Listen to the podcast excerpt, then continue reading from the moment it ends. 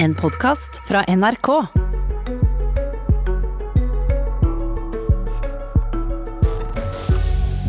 Equinor har tapt 200 milliarder kroner i USA. Ukens avsløring i Dagens Næringsliv av sløseri, rot og feilinvesteringer i USA har sjokkert mange som burde vite. Hvordan kunne dette skje, og hvilke konsekvenser vil det få for Equinor? Du hører på Politisk kvarter, mitt navn er Ole Reinert Omvik. Denne uken har så Dagens Næringsliv avslørt hvordan Equinor har drevet deler av sin virksomhet i USA. Avisen har fått tak i rapporter fra internrevisjonen som tegner et bilde av en ukultur med sløsing og inkompetanse. Hva kan bli konsekvensene for selskapet som i disse dager ber staten om hjelp? Equinors informasjonsdirektør er med i studio her, men først til deg, Fridtjof Jacobsen, politisk redaktør i Dagens Næringsliv. Hva handler denne historien om? Den handler om en eh, satsing eh, på oljevirksomhet eh, i USA som har gått galt. Og hvor resultatet så langt er at man har tapt 200 milliarder kroner. Det er jo i seg selv et si, svimlende tap i norsk industri. Eh, og så har eh, eh, Dagens Næringsliv gått inn i denne saken, fått tak i dokumenter og andre opplysninger fra internrevisjon og andre ting, som prøver å vise hvordan kunne dette gå så galt.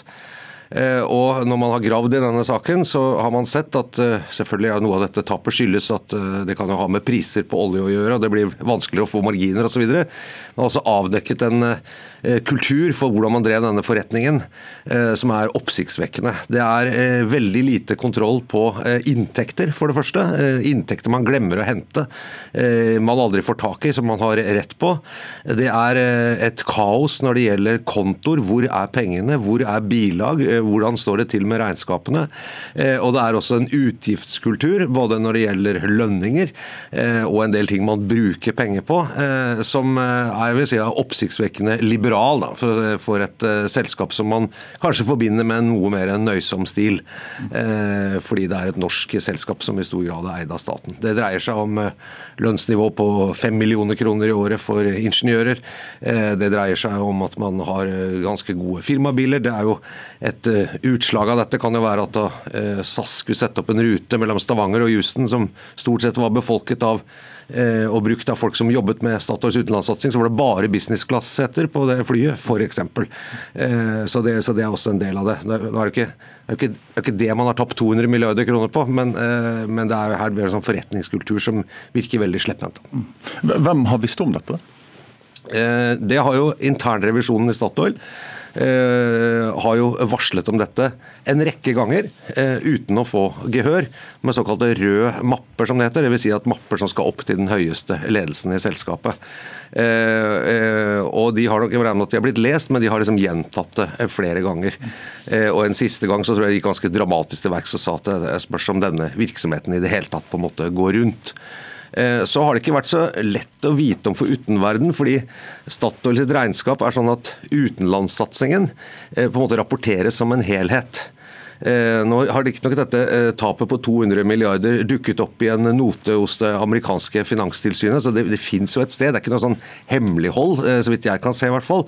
Men det er ganske mange som har vært overrasket over det. Tidligere styreleder i i, i Equinor. Eh, Eivind Reiten har jo eh, i dag sagt at dette var et stort tall for han. Eh, en analytiker som heter Olaisen, som følger Equinor tett, har altså sagt at dette var overraskende opplysninger. Nå vet man ikke, kanskje de burde visst eller noe sånt, men det har, det har, ikke, vært, det har, vært, det har ikke vært, åpenbart synlig hvor stort dette tapet har vært. da. Mm. Uten at det betyr at de har aktivt skjult det, men det har i hvert fall vært ukjent. Finanstilsynet ba i 2014 Equinor om å om at det kunne være en idé å rapportere på en måte virksomheten i USA for seg, sånn at den var synlig i regnskapene, fordi den virksomheten var så, var så stor. Mm. Altså Det var ikke en liten del av virksomheten. Var, hvis du hadde tatt ut det som et eget selskap, så ville det vært et av de større selskapene på Oslo Børs. Ok, Bård Glad Pedersen, informasjonsdirektør i eh, Equinor. Først til disse tallene. Stemmer det at Equinor har tapt 200 milliarder kroner på sin satsing i USA de siste 20 år? Ja, altså Vi rapporterer, det er ikke noe som har dukka opp et eller annet sted. Det står i vår årsrapport, en del av vår rapportering, at vi har eh, et egenkapitaltap i USA eh, på 20 milliarder dollar. det er en sum fra siden tidenes eh, morgen i, for, for, vår del der. Det strekker seg tilbake til Statoil og Hydro fra før fusjon. Og det er en sum fra både transaksjoner letebrønner offshore og den satsinga på, på land. Så er det eh, en regnskapsmessig status per i dag, og den gir ikke hele bildet. Vi har også eh, utsatte skattefordeler der. Vi har en positiv kontantstrøm fra USA. Vi har eiendeler som skal produsere i 20, 30, 40, 50 år fremover i tid. Så dette er jo ting som også vil gi inntekter. Men de tallene eh, er riktige per nå, og de er rapportert fra oss åpent. Mm. Så er det den delen som Dagens Næringsliv har avslørt, at det har vært en ukultur i selskapet og den sløsingen som Jacobsen her forteller om. Hva sier det til det? Vi eh, gjorde et kjøp. Mye av dette knytta seg til at vi, vi, kjøpte et selskap, et børsnotert selskap i USA i, i 2011. Eh, og det, eh, Da undervurderte vi de internkontrollutfordringene som var i selskapet, og særlig de som oppsto fordi at vi vokste ganske raskt etterpå. Eh, og Det tok lengre tid enn det burde før vi oppdaga det. Grunnen til det var egentlig et bevisst valg om at vi anerkjenner at dette er en annen type virksomhet enn det vi er vant til å drive. Så Vi ønsker liksom på en måte ikke komme styrtende med de store corporate systemene på dag én, men klare å beholde noe av det. Men Derfor tok det også litt lang tid. Og Det DN eh, skriver om her, er jo ikke ting som nytt, som ikke vi har visst, og som ikke er hensyntatt. Det de skriver om, er jo at våre internkontrollsystemer fanger opp fra 2013 og særlig inn i 2014 at her har vi noen alvorlige utfordringer. Så, så det, det sier at dere eh, i ledelsen i Equinor har visst om dette i sju år? Ja, ja. ja. Altså, dette ble avdekket i, i, i, slutten av 2013, starten av 2014. Da skjønte man omfanget av dette. At det er noen alvorlige utfordringer, både knytta til kostnader på en rekke områder, helt uakseptabelt. I rettferdighetens navn så, så, var det mange i industrien på det tidspunktet, men, men det var uakseptabelt, måtte ta tak i. Det andre var internkontrollutfordringer, og ikke god nok kontroll på de økonomiske systemene. Helt nødvendig å ta opp. Og så Si, som jeg spør om i, i, den, eh, i spørsmålsrekken av hvem som visste og ikke visste, har eieren, olje- og energiministeren, visst om dette? Måten vi gjør det, altså når, når Fridtjof Jacobsen er enig i den beskrivelsen han ga gjennomgående, men ikke at det ikke var gehør. Tvert imot, det ble tatt på meget stort alvor. og det var jo fordi at Men det var... Visste olje- og energiministeren om dette? Vi, eh, nei, dette er jo ting som eh, behandler altså Internrevisjon er jo vår selskapsinterne måte å avdekke feil på. og Det som skjer når en internrevisjonsrapport avdekker feil, det er at den går til konsernledelsen, den går til styret og den går til ekstern revisor år, og over flere år pågikk det et oppryddingsarbeid der det var full åpenhet overfor styret og ekstern revisor om de utfordringene, om hva som ble gjort for å rette opp. Og Grunnen til at det kom nye rapporter, er ikke at det ikke ble gjort noe, men man har avdekka mer av det problemkomplekset, som man hadde satt inn store ressurser. Så er det uh, vurderinger til slutt som må gjøres hvert eneste kvartal. Er det noen ting her som skaper usikkerhet knytta til de regnskapene vi avlegger? Er det noen internkontrollutfordringer som er av en sånn art at det kan være eh, risiko for at det er feil i regnskapet? Det er veldig strengt lovregulert, ikke minst for oss som er børsnotert også i USA, der reglene er kanskje enda strengere enn i, i Norge på det området.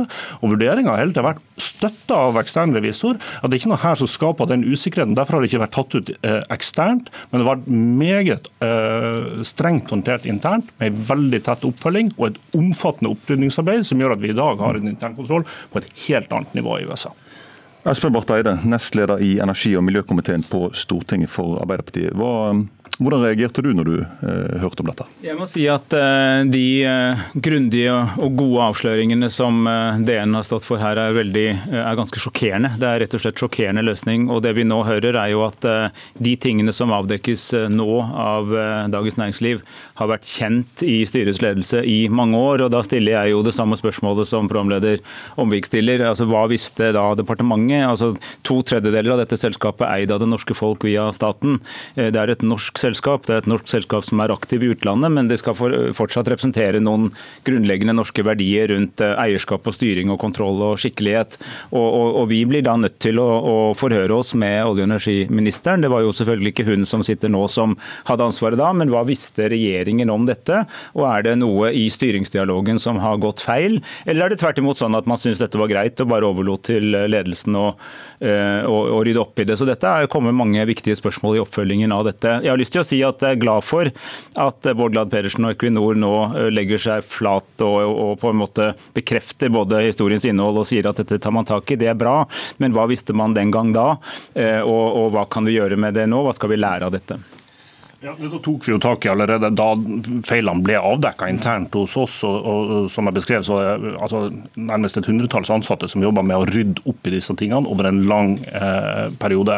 Så har det vært full åpenhet både overfor departementet og overfor andre eiere om de investeringene vi har gjort, eh, de vurderingene som har vært gjort, de regnskapene, de resultatene. Men nå snakker vi om det ukulturen som er avdekket. Også om uh, systemene for uh, internkontroll, ledelsen og styringen styrets ansvar for å følge opp dette. Men hva som rapporteres offentlig om internkontroll, altså der gjelder det de samme reglene for oss som det gjelder for andre børsnoterte eh, selskap. Vi legge, hvis, du, hvis, vi legger oss på en annen standard på det, så får man jo inntrykk av at det er annerledes hos oss enn det det egentlig er. Dette var vårt ansvar å rydde opp i. Det gjorde vi. Det var et omfattende arbeid. Det pågikk over eh, lang tid. Men jeg tror det er, at, det er viktig at vi skiller mellom to ting her. fordi Dette er en bransje hvor det er høy inntjening og høy risiko. Eh, noen investeringer lykkes, noen gjør ikke det. Det vet vi, og det er rapportert om at noen av dem gikk galt.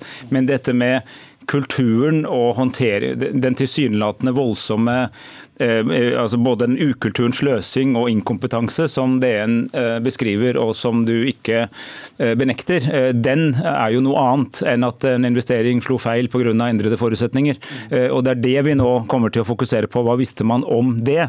Fordi oljebransjen har hatt og har i dag en høy tillit til det norske folk, og det er viktig. Det vi kaller 'license to operate', eller altså samfunnsaksept. Men den er ikke så åpenbar lenger nå med mange andre spørsmål i tiden og klimakrise og sånne ting. Så jeg tror det er særlig viktig at eh, Norges største selskap og det største selskapet staten er med og eier og hoved, er hovedaksjonær i, ikke har for mange sånne saker, men heller viser at dette er noe de tar på veldig stort alvor. Fridtjof, jeg må spørre, Fritjof jeg vil spørre deg, hvilke konsekvenser vil denne avsløringen få for Equinor? Det, det, kommer litt an på hvordan Equinor håndterer det. Eh, nå sier Glad Pedersen her at i 2014 så begynte de opprydningen og hadde full kontroll. Eh, de som leser Dagens Næringslivs sak, det, det, kommer i avisen i morgen, kan leses på nettet der. Det begynner altså i 2017 med at det, eh, en internrevisjon må sende en lastebil rundt i USA eh, for å lete etter kvitteringer og bilag og kontoer, tre år etter at man mener at man har full kontroll med og er i gang. Og, spør, og spørs, nei, ja, det begynte. Men at man hadde, men, men, og det var et meget omfattende arbeid tydeligvis når man må lete etter kvitteringer. Om alle kvitteringer og bilag og sånn er funnet, det er jo et åpent spørsmål. Eh, det vet jeg ikke om du vet heller, men det kan jo gjerne svare. Jeg er sikker på at nå har man fått tak i alt som er der. Og det, det er jo oppsiktsvekkende nok tre år etter at man får et varsel at vi da er, at man er rundt med en lastebil. Altså det, det kan hende, Da må jo kaoset ha vært relativt stort, tenker jeg. Hvis det tar så lang tid å finne bilag rett og slett, og, og kontoer. Og det andre, det andre som er eh, så jeg synes det, det blir en noe sånn pyntet versjon om at dette, jo, vi, vi skjønte det, men, men, her hadde vi på en måte helt fra 2014 hvordan da det, det totale tapet har liksom kommet opp i 200 milliarder, er jo også et, et åpent spørsmål. Hvis man i, i seks år har liksom kjent til at dette begynte å skli ut. Borgland Pedersen, hva har, hva har dere sagt til olje- og energiministeren om, om denne saken? Altså, har, Den avsløringen som Dagens Næringsliv har kommet med? Som, som sagt så, så, har vi vært helt åpne om alle investeringer. og de tapene, det, altså det er jo ikke sånn at tapene har oppstått gradvis. Altså, tapene knytter seg til investeringer som ble gjort 10-15-20 år tilbake i tid, og skyldes i første rekke at vi betalte altfor mye da vi gikk inn, da oljeprisen var godt over 100 dollar, og så stupte den i 2014, og det har ledet til store tap hos oss hos alle andre selskaper. Har egentlig ikke veldig mye med den internkontrollutfordringer, som i seg selv er alvorlig, absolutt, men det er ikke det som er årsaken til de tapene. Så sa jeg også, jeg har ikke sagt at vi hadde full kontroll fra 2014, for det, det hadde vi ikke. Men vi tok veldig grundig tak i det fra 2014. Vi har klart hele veien å avgi riktig regnskap med ekstern revisor som har hatt full innsyn i alle disse tingene som vi har avdekket, men det var et årelangt arbeid. Og disse kvitteringene det knytter seg til at i USA så må du, øh, hvis du har et fremførbart underskudd, så må du dokumentere det på det tidspunktet du bruker det. 10-20 år frem i tid, og det var for dårlig dokumentert. Derfor måtte vi ta tak i det. Så må vi, Borgla Pedersen, Sendingen er over, så vi må sette strek der. Og Det skal også sies at Vi har invitert Tina Bru til studio her. Hun vil informere Stortinget om dette hvis det kommer spørsmål derfra. Det var Politisk kvarter her i studio, Ole Reinert Omvik.